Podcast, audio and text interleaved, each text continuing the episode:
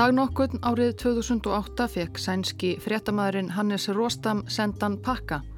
Pakkin var frá kollega sem var að setjast í Helgan Stein og vildi eftirláta Róstam skjálasafn sitt um ákveðið mál sem hann hafi þó verið að kynna sér í nokkuð tíma.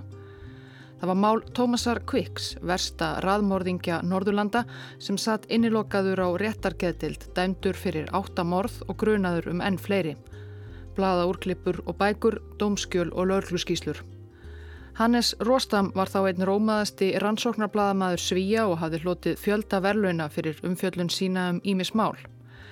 Hann hafði þá ekki sérstakann áhuga eða skoðun á máli Kviks en leiti við gögnin og fór loks að langa til að ræða við Kvik sjálfan. Það var ekki sjálfgefið.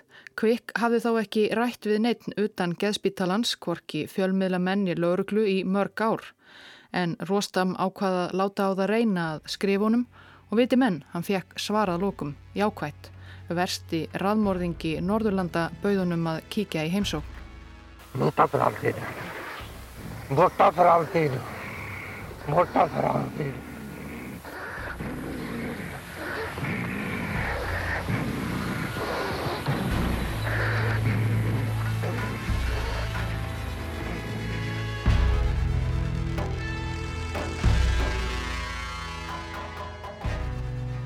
Fyrsta heimsókn Róstams sumarið 2008 á Seter geðsjúkrahúsi þar sem Kvik hafði þá dvalið í hátt í tvo áratví var tíðinda lítil. Þeir spjöldluðu um ímislegt, ekkert sérstakt. Svo næsta var álíka. En þegar bladamæðurinn heimsótti Kvik í þriðja sinn sagðist hann upp úr þurru vilja segja sannleikan. Jag har inte begått något av de mord jag är dömd för och jag har inte heller begått något utav alla de andra morden jag har erkänt. Det är så det är. Og hann viðurkendi það þá í myndavél að hann hefði ekki framið neitt af þeim morðum sem hann hafi verið dæmdur fyrir og engin önnur heldur.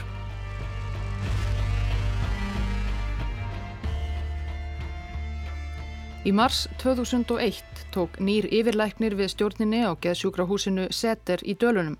Jöran Sjálberg hafði reyndar gengt þessu starfi áður. Hann var yfirlæknir þegar Stúre Bergvall, kynferðisbrótamaður og bankaræningi var lagðurinn á réttargeðdildina 1993 og það var hann sem kallaði til lauruglu þegar sá fór að rifja upp niðurbældar minningar af því að hafa á árum áður framið hryllileg voðaverk. Skömmu síðar hætti Sjálberg og fór að vinna á öðrum geðsjúkrahúsum. Eflaust hefur hann fylst með því hvernig mál fyrverandi sjúklings hans blés út, hvernig Stúri Bergvall varðað raðmorðingjanum Tómasi Kvik, hvernig hann var dæmdur fyrir áttamorð á sjö árum, hvernig hróður seters og byltingarkendra meðferðar aðferða þar hafði svo borist um heim allan. Þegar Sjálberg snýri aftur leist honum þó ekki alveg á blikuna. Livjagjöf til morðingjans var að hans mati allt of mikil. Stúri var haldið á kröftugum koktel af kvíðastillandi bensodiazepínum og verkelifjum, mataður á pillum kvölds og morgna.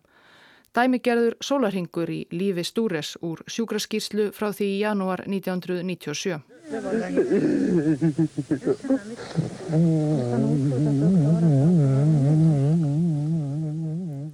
Tómas fluttist aftur í tíman í meðferði gerðmorgun, fekk kvíðakast og krampa. Starsmenn þurftu að halda honum niðri og gáfu tvær spröytur af stesoli 10 milligrum. Svaf klukkustund eftir hátegismat, um tvö kom hann fram með mikinn kvíða og ángist. Fekk tvær töflur sanor, 1 milligram, betri eftir 45 minútur, þó orkulös og þreyttur. Um fjögur, hemervin 300 milligram, þrjár pillur vegna sjálfsmáshauksana brotnaði niður um 6, mikill grátur, ángist, fekk tvær töflur sanor, 1 mg og snýr aftur til veruleikans. Heminervin 300 mg, þrjár, 2050, svaf til 1 um nótt. Vaknaði með hausverk, tók tvær töflur panodil, 30 mg voltaren og eina töflu sanor. Sopnaði þrjú og vaknaði sjö. Eftir meðferði dag gata hann ekki gengið að hreift sig. Fekk tvær pillur sanor, um þrjú hljópan í gegnum dagstofuna og barði höfðinu af fullu afli í vekkin.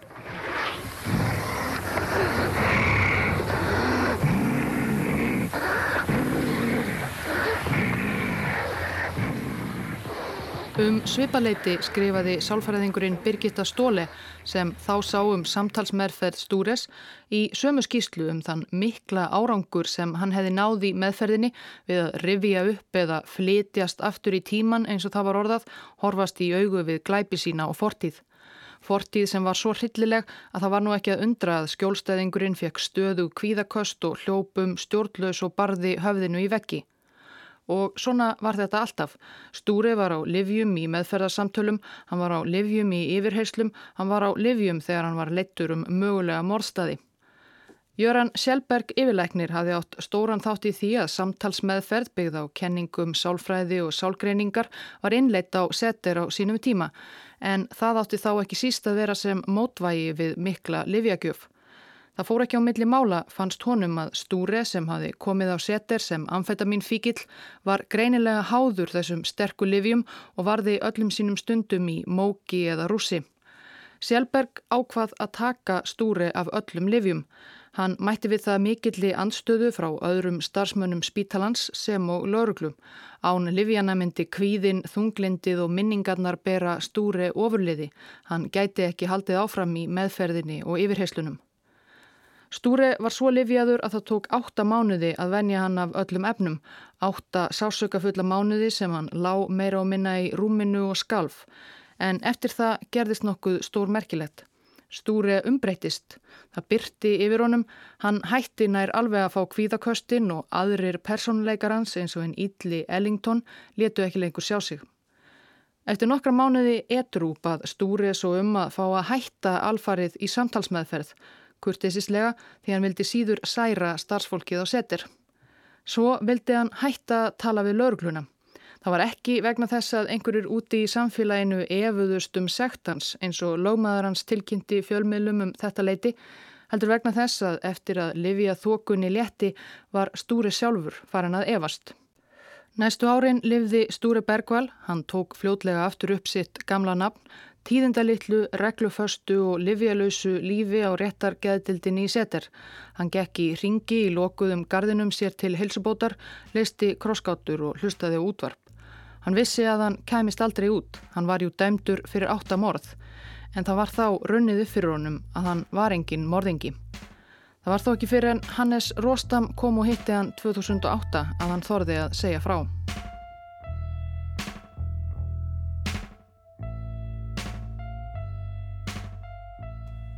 Í síðustu tveimur þáttum um mál Stúri Bergvalls hef ég farið yfir lífslaup hans og árein sem Thomas Quick raðmorðingi.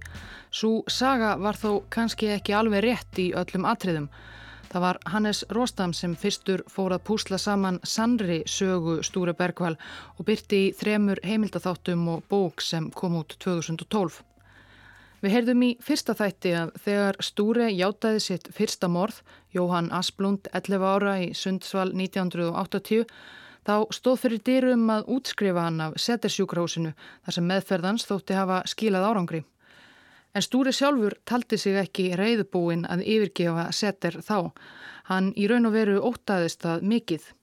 Fyrir utan veggi seter beigðans ekkert nema hættan á að lenda aftur í neyslu og glæpum og hann óttaðist að fólki í sveitinni myndi eftir glæpunum sem hann framdi, bankaráninu og árásum á unga drengi. Þess vegna skipti hann um nafn, tók um nafnið Thomas Quick til að fela sig, en helst vildi hann bara ekki fara frá seter og því hófan hjáttningarnar.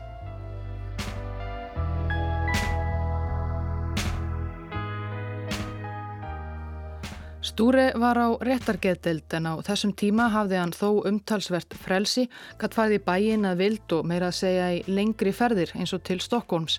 Það nokkuð þegar útskriftin nálgæðist fór hann einmitt með lest til Stokkólms. Hann fór á konunglega bókasafnið og dagbladasafnið þar þar sem hann skoðaði bladagreinar um gömul óleist glæpamál á mikrofilmu. Þar fann hann upplýsingar um hvarf Jóhanns Asplunds og morðið á Tómasi Blomgren í Veksjö 1964, upplýsingar sem hann reyndi að leggja á minnið og endur tók síðan í samtölum sínum við lækna sína sem sínar eiginu minningar og allir voru samfærðir. Stúre komst yfir upplýsingar um önnur mál sem hann hjátaði á svipaðan hátt, vitum við nú. Hann nefndi fyrst morðið á Ísraelska ferðamanninum Jenon Levi eftir að hafa séð fjallaðum það í sjónvarpinu í þætti um óleist glæpamál. Hann nefndi norsku stúlkuna Therese Johannessen sem kvarfi drammen eftir að bladamadur á norska gödublaðinu Verdens gang sendi honum bladaúrklippur um málið. Hinn norsku morðin tvö sem hann játaði að hafa framið hafði hann lesið um í norskum blöðum þegar hann var í Noregi þar sem Therese hafði horfið. Tjaldmorðin við Appójári vatn hafði hann kynnt sér eftir að sænskur bladamadur spurði í viðtali hvort hann vissi eitthvað um það. Eitt sinn létt Birgitta Stóli, aðal stálfræðingur Stúres, hann líka fá langan lista með nöfnum drengja sem hefðu horfið í Svíþjóð og Noregi á þeim tíma sem hann leik lausum hala í vonum að eitthvað myndi rifjast upp. Aldeilis, Stúre hjátaði umsvifa laust að hafa myrt hvern einasta dreng á listanum. You like Huey Lewis on the news? Þegar Stúre fór að játa í upphafi tíunda áratugurins voru dýrsleir raðmörðingjar áberandi í dægurmenningu. Huey released this. Four. Their most accomplished album. I think their undisputed masterpiece is Hip to be Square. A song so catchy, most people probably don't listen to the lyrics, but they should. Stúre sagði sjálfur frá því síðar að hann hafi fengið innblástur að ógeðslegum morðsögum sínum um limlestingar og mannátt úr bók Brett Easton Ellis um raðmorðingjan Patrick Bateman, American Psycho. You still wake up sometimes, don't you? You wake up in the dark and hear the screaming of the lamb. Sem og kvikmyndinni Silence of the Lambs og fleiri álíka verkum. Thank you.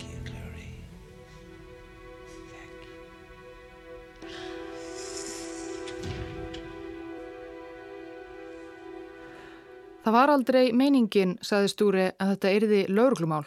Í byrjun stóð hann einhvern veginn í þeirri trú að hann gæti leið á meðferðarsófanum eins og honum listi og játað á sig hryllileg morð án þess að það hefði nokkrar afleiðingar aðrar en að hann fengi aðteikli starfsfólksins á setir og meira bensódiazepín.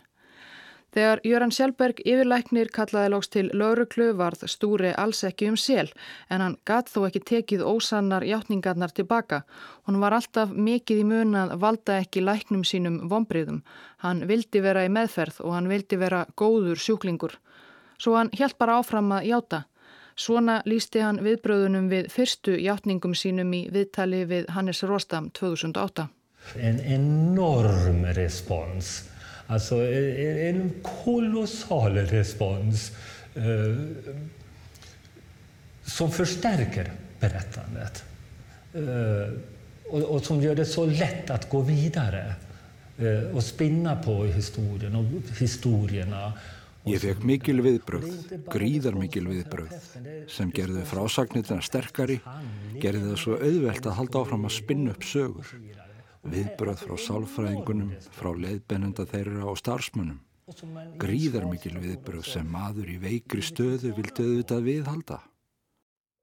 Livin gerði það svo verkum að sögur ansurðu æg ofbeldis fyllri og langsóttari en trúverðugari í augum rannsakenda. Stúri var sífælt í kvíðakasti eða geðrófi, greinilega að kljást við erfiðar minningar. Hann fór líka á endanum sjálfur að trúa því sem vall uppur honum. Sálfræðingarnir voru samfærandi. Stúri Bergval var þannig besti sjúklingurinn á setir sem sannaði allar kenningar starfsfólksins þar og saman brutuðu bladi sögu sálfræðinar og geðleikninga.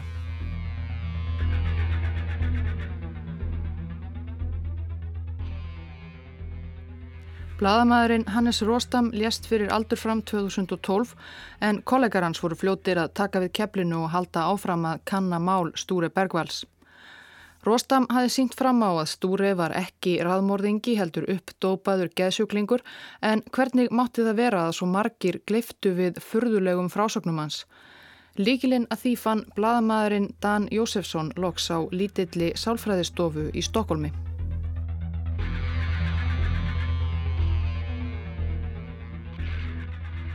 Í fyrsta þætti myndist ég á að þegar farið var að leggja meiri áherslu á sálfræði meðferð á setir sjúkrahúsinu í byrjun tíunda áratugar voru þar fáir mentaðir sálfræðingar starfandi. Í stað þess voru nokkrir geðlæknar sem tóku að sér samtalsmeðferð og nutu til þess handleðslu virts sálgreinis í Stokkólmi sem var með litla stofu í miðborginni. Þessi sálgreinir sem tók þannig stóran þátti að móta nýja stefnu seters hétt Margit Norell.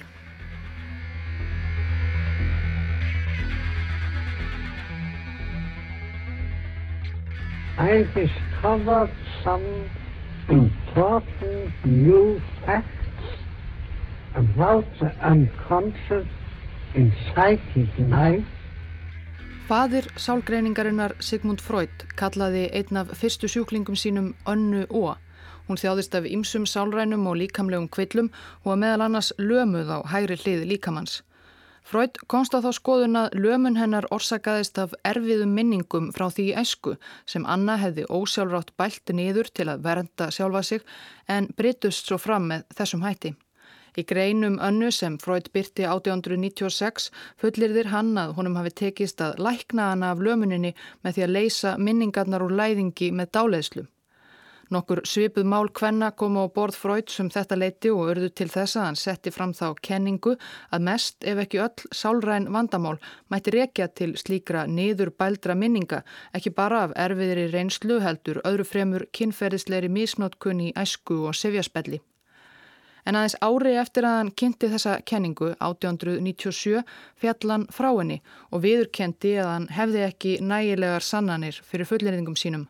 Hann sneri sér að öðrum pælingum að frásagnir kvenkins sjúklinga hans af kynferðisleiri misnótkun af hendi feðra þeirra í barnæsku væru ekki nýðurbældar minningar heldur ósjálfráðar fantasíur, nokkuð sem hann kallaði ödipusar duld eins og frækt er.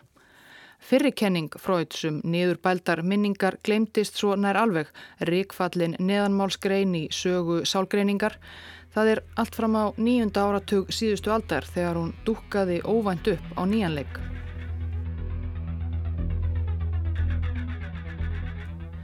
–1984 gaf Jeffrey Musayev Masson, bandarískur sálgreinir, út bókina Árásina á sannleikan sé einhver að velta því fyrir sér þá eru þau Dorrit Musaev fyrirverandi fórsetafrú þremenningar. En Jeffrey Musaev Masson hafði við rannsóknir á gömlum brefum Sigmunds Freuds komist á þá skoðun að hann hefði fallið frá kenningunni um niðurpældar minningar ekki af fræðilegri einlægni heldur vegna þrýstings frá samfélagi sem gat ekki horst í augu við hversu algeng kynferðisleg misnótkun á börnum var í raun. Freud hefði að mati Massons svikið sjúklinga sína með því að leggja ekki trúnað á frásagnir þeirra um misnótkun og allir sálgreinar og sálfræðingar sem triðu síðari kenningum Freuds væru sömu leiðis að svíkja sjúklinga sína og loka augunum fyrir því sem Masson kallaði í bókinni eitt af mestu vandamálum í sögu mannkins, viðtækri misnótkun og börnum sem þökkuð væri niður. Bókin vakti mikla aðtegli Hún varð strax umdeild meðal fræðimanna en betur tekið af almenningi og raug upp metrulista. Jarðvegurinn var frjór fyrir. Á áttunda áratögnum hafi mikið verið fjallað um geðsjúkdómin Rófin eða Markfaldan Personleika, MPD. Hann var talin orsakast af svo alvarlegri misnótkunni æsku að undir meðvitund Bartsins ropnaði og nýr personuleiki myndaðist til að taka á sig áföllin. Þetta átti að hafa komið fyrir stúru bergval. Bækur eins og Sibyl saga sálgreinisins Kornelíu Vilbur sem með dáleðslu læknaði fársjúka konu sem hafði eftir misnótkunna af hendi móður sinnar þróað 15 auka personleika vöktu mikla aðtegli. Hún kom út 73 og var kvikmynduð fjórum árum síðar. Sibyl? I hate Sibyl. I hate her. Who are you? Og greiningar á markföldum personleika á Vesturlöndum markfölduðust í kjölfarið.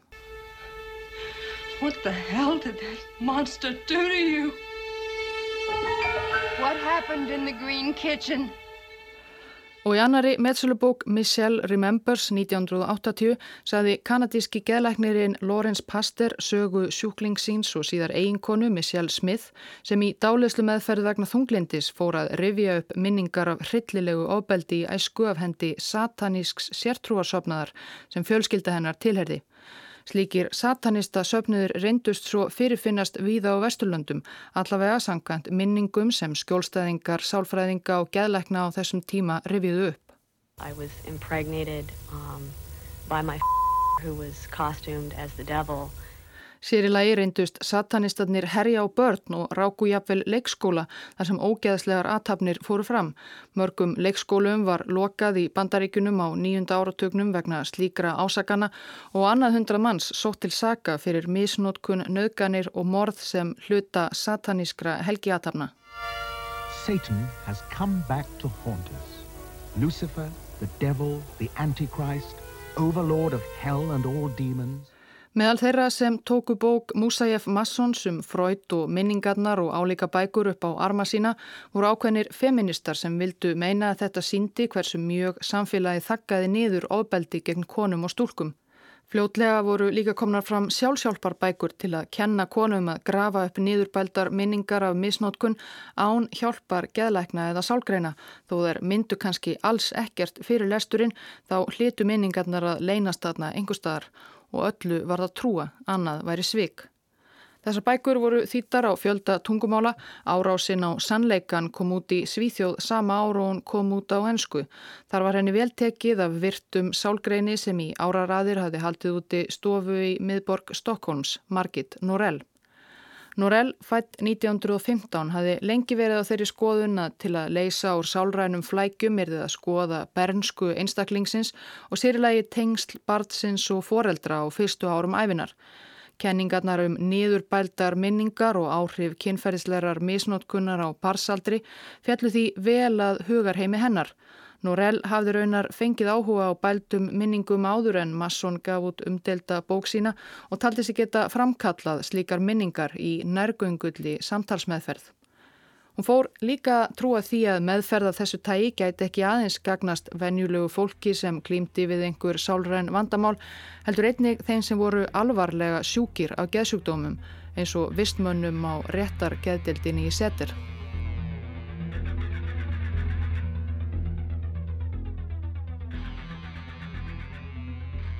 Það var vitað að við breytingarnar sem gerðar voru á setter skömmu áður en stúri var vistaður þar var Margit Norell mikilvægur ráðgjafi en hversu mikilvægur? Það var það sem bladamanninum Dan Jósefsson fannst ekki nægilega skýrt og hann reðst í að rannsaka eftir lát kollega síns Hannesar Róstam. Það var hægara sagt en gert. Það er yfirleitt ekki neitt sérstakur skortur í svíþjóð á fólki sem vil tjá sig um mál Stúre Bergvals en stafsfólkið á setter sem fór með meðferðans hefur nær undantekningalust alfarið neitað að tjá sig ofinberlega um málið. Dan Jósefsson var því að beita öðrum leiðum. Hei, hei! Hann vilti á sér heimildir, bjóð til þá sögu að hann væri að skrifa lofsamlega bók um sögu sálgreiningar í Svíþjóð og þátt Margitar Norell, myndist ekki einu orði á allræfndasta ekki morðingja sænskrar sögu. Allt í einu vildu nú allir tala við hann um þessa konu sem er elskuð og dáð í vissum kreðsum. Með falda myndavil og hljóðnemaða vopni í viðtölum tókst Jósefsson þannig að kortleggja áhrif Norell á setter. Hann komst að því að hún var ekki bara leiðbeinandi fyrsta geðleiknisins sem tók stúri í meðferð, Kjell Persson. Hún var líka leiðbeinandi sálfræðingsins Birgittu Stóle sem tók svo við meðferðinni. Hún var leiðbeinandi og personulegur sálgreinir margra yfirleiknana á setter og svo fleiri starfsmanna sem voru í nánum samskiptum við stúri og hún var eins konar lærimeistari minnis sérfræðingsins Sven Åke Kristjánssons sem var sérfræðivitni í flestum málunum gegn stúri. Mm. Och jag kan väl säga det off the record då så, så blev ju hon faktiskt också en mamma som jag aldrig haft. Mm. Eh, Það er merkileg staðrindað á námsárum sínum vann Sven Åke Kristjánsson með einum fremsta sérfræðingi heims í minningum, bandariska sálfræðingnum Elisabeth Loftus. Loftus er einna þekktust einmitt fyrir rannsóknir sínar á fölskum minningum og hafa í raun afsannað kenninguna um niður bældar minningar, sínt fram á það með óeikjandi hætti hvernig ógætilegar aðferðir sálfræðinga og geðlækna og leiðandi spurningar geti plantaði að vel furðulegustu fölsku minningum í kolli sjúklinga. En þetta var áður en Kristjánsson kynntist Margit Norell sem hann varð svo náinn að hann áleit hana eins konar móður og hann hennar tryggi sonur. Það var endar venjulega afstæða sem skjólstæðingar Norell þróuðu með sér sem og hennar fjölmörgu lærlingar sem hún leti í sálfræðilegum lesring. Hún var gjarnan hinn alvitra móðir, langt um eldri en flestir sem koma hér við sögu, ráðsett og reynslu mikil kvítærð kerling. Og eitthvað slíkt var Margit Norell í augum fyrðu margra sem tengdust máli Stúri Bergvals sem byggðu meðferðans og allt umhverfið á setir eftir kenningum hennar.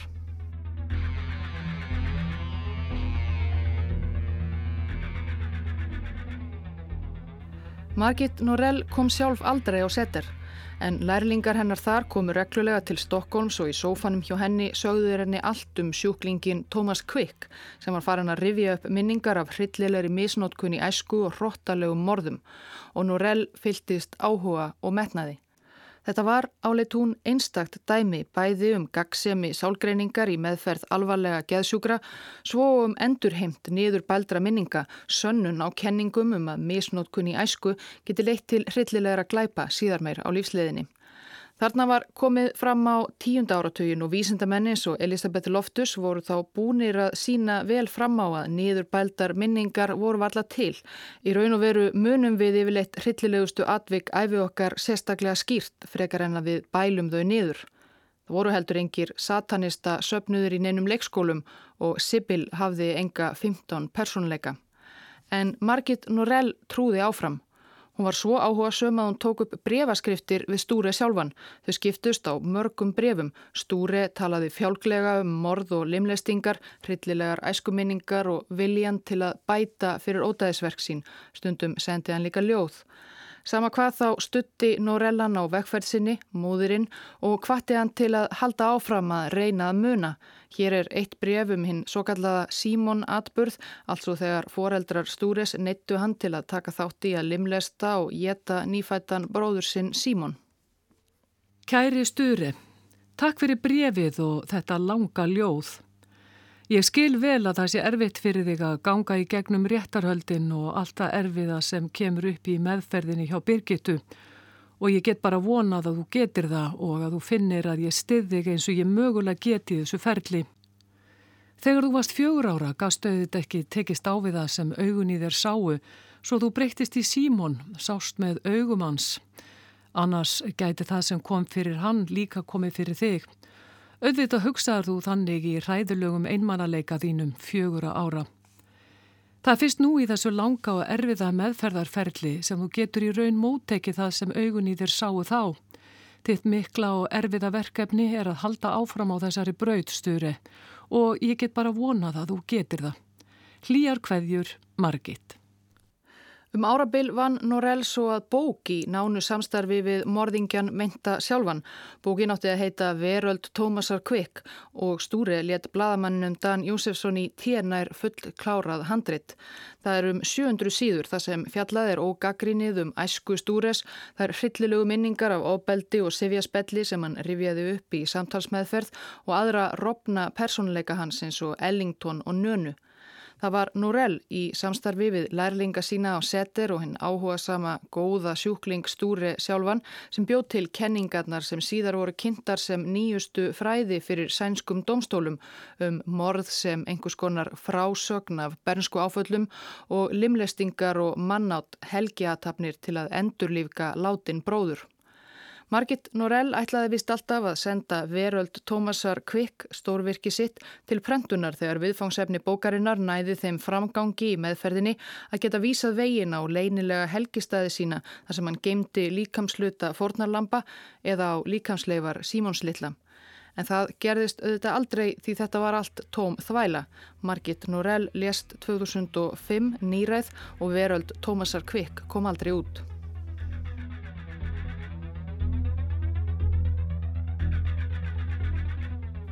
Dan Júsefsson lýsir í bóksinni Maðurinn sem hætti að ljúa 2013 kreðsunni í kringum Norell sem eins konar sértrúasöfniði.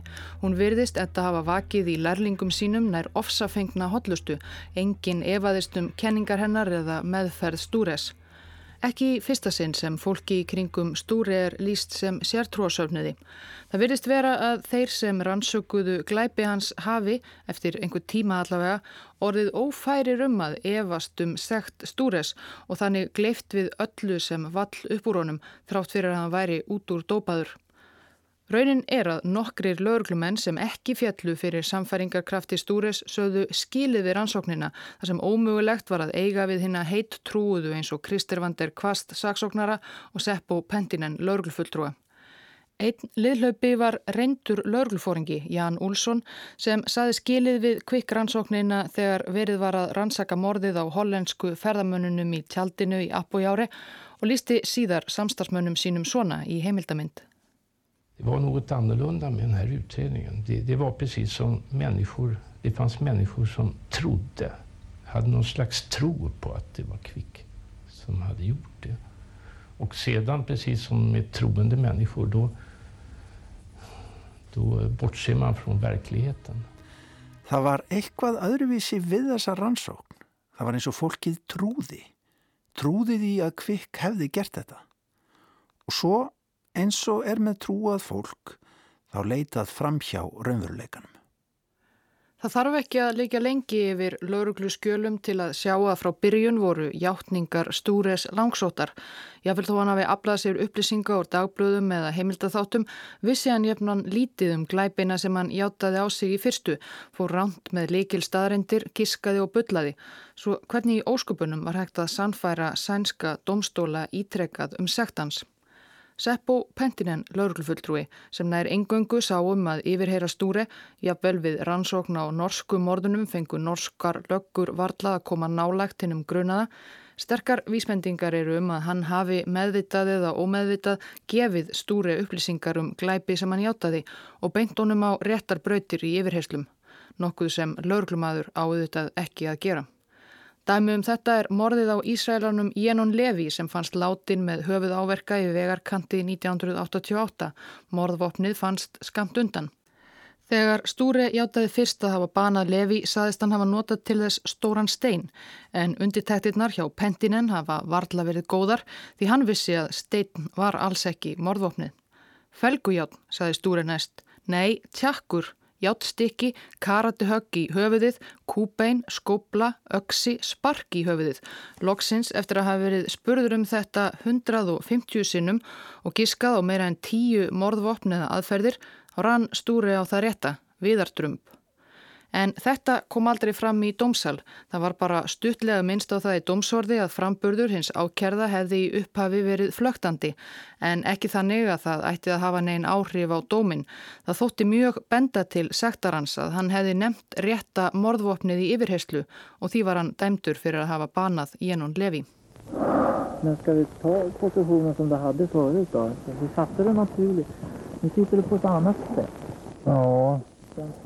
Á myndbandsupptöku af endursköpun á morðinu og píteopiltinum Sjálfs Selmanovits má heyra hvernig minnis sérfræðingurinn Sven Åke Kristjánsson gefur stúri skýrar bendingar um hvernig hann eigi að bera sig að, hvernig hann eigi að bógra yfir líkinu til að frásögn hans stemmi við ástand líkamsleifa pilsins.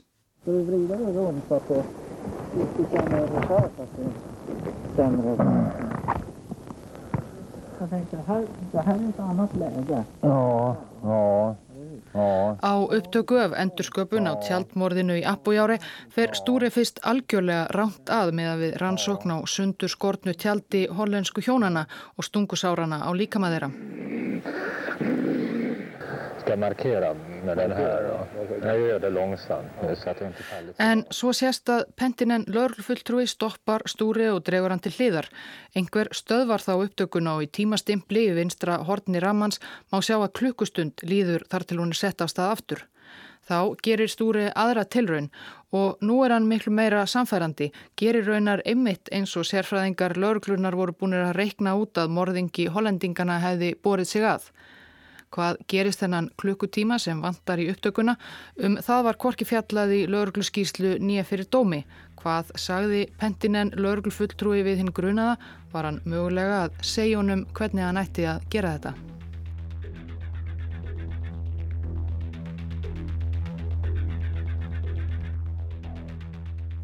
Þetta eru örfádæmi af fjölmörgum um það sem við nánari skoðun reyndist hafa verið skakt í rannsókninni og myndum morðum Tómasar Kviks en kom aldrei fram þegar mál hans voru fyrir domstólum. Og margt hefði mátt uppgötva svo miklu fyrr til að mynda að þegar Kvik saðist hafa verið að fremja sitt fyrsta morð, kvítasunu helgina 1964, þegar hann saðist hafa farið 14 ára 500 km leið frá Falun til Veksjö að myrða jafnaldra sinn Tómas Blumgren, Einmitt þessa helgi er ólíklegt, svo gott sem ómögulegt að hann hefði geta bröðið sér frá í slíka langferð. Því Stúri Bergvall var jú að fermast og mynd af honum í hópi fermingabarna byrtist reyndar í staðarblaði Falunborgar á sömu síðu og tilkynning um dauða Tómasar Blumgrens.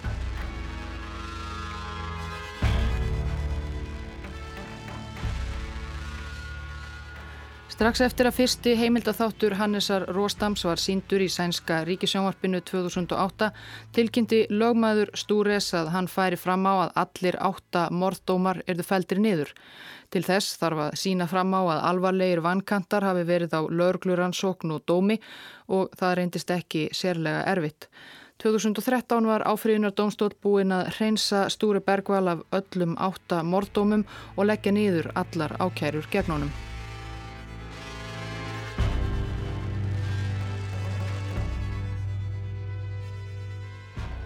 Þeir sem halda lífi í kvikkmálinu í dag hefur einnig verið líkt við sértrósöfnuð því að þó að búið sér reynsa stúri af öllum dómum eru ekki allir vissir um sagleysi hans. Það er enn deilt af hörku um málið í sænskum fjölmilum.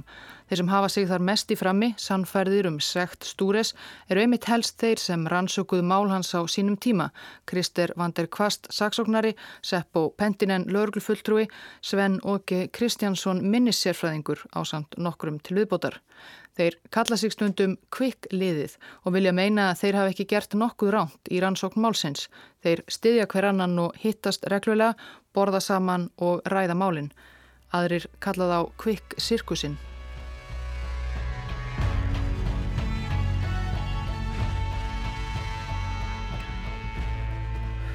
Diggir lærlingar Margitar Norell áttu stóran þátti að reka annað af umdeldustu glæpamálum sænskrar samtímasögum.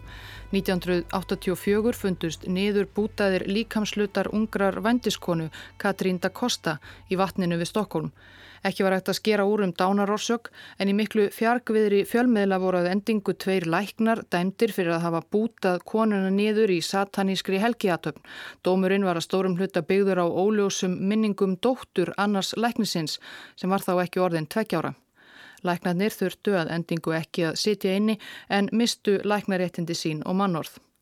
Eftir að hafa lokið rannsókn á Margit Norell beindi bladamæðurinn Dan Júsefsson sjónum að öðru máli. 1998 voru tveir ungir drengir, 5 og 7 ára, sakaður um að hafa myrt fjögur ára gamlan leikfélaga. En eins og Júsefsson fjallaði um í sjónvastáttum 2017 reyndust drengirnir hafa verið yfirherðir á mjög vafasaman hátt fyrir svo ung börn, spurðir leiðandi spurninga, þrýst á þá að játa og þeir látnir endurskapa glæpsinn á vettvangi að hætti Tómasar Kviks. Kanski einmitt því sérstakur ráðgjafi lauruglu við yfir heislunar var minnis sérfræðingurinn Svennóke Kristjánsson. Drenginir tveir voru fljótt hreinsaðir af öllum ásökunum í kjölfar uppljóstrana Jósefssons en Svennóke Kristjánsson er enn professor í sálfræði við Stokkons háskóla.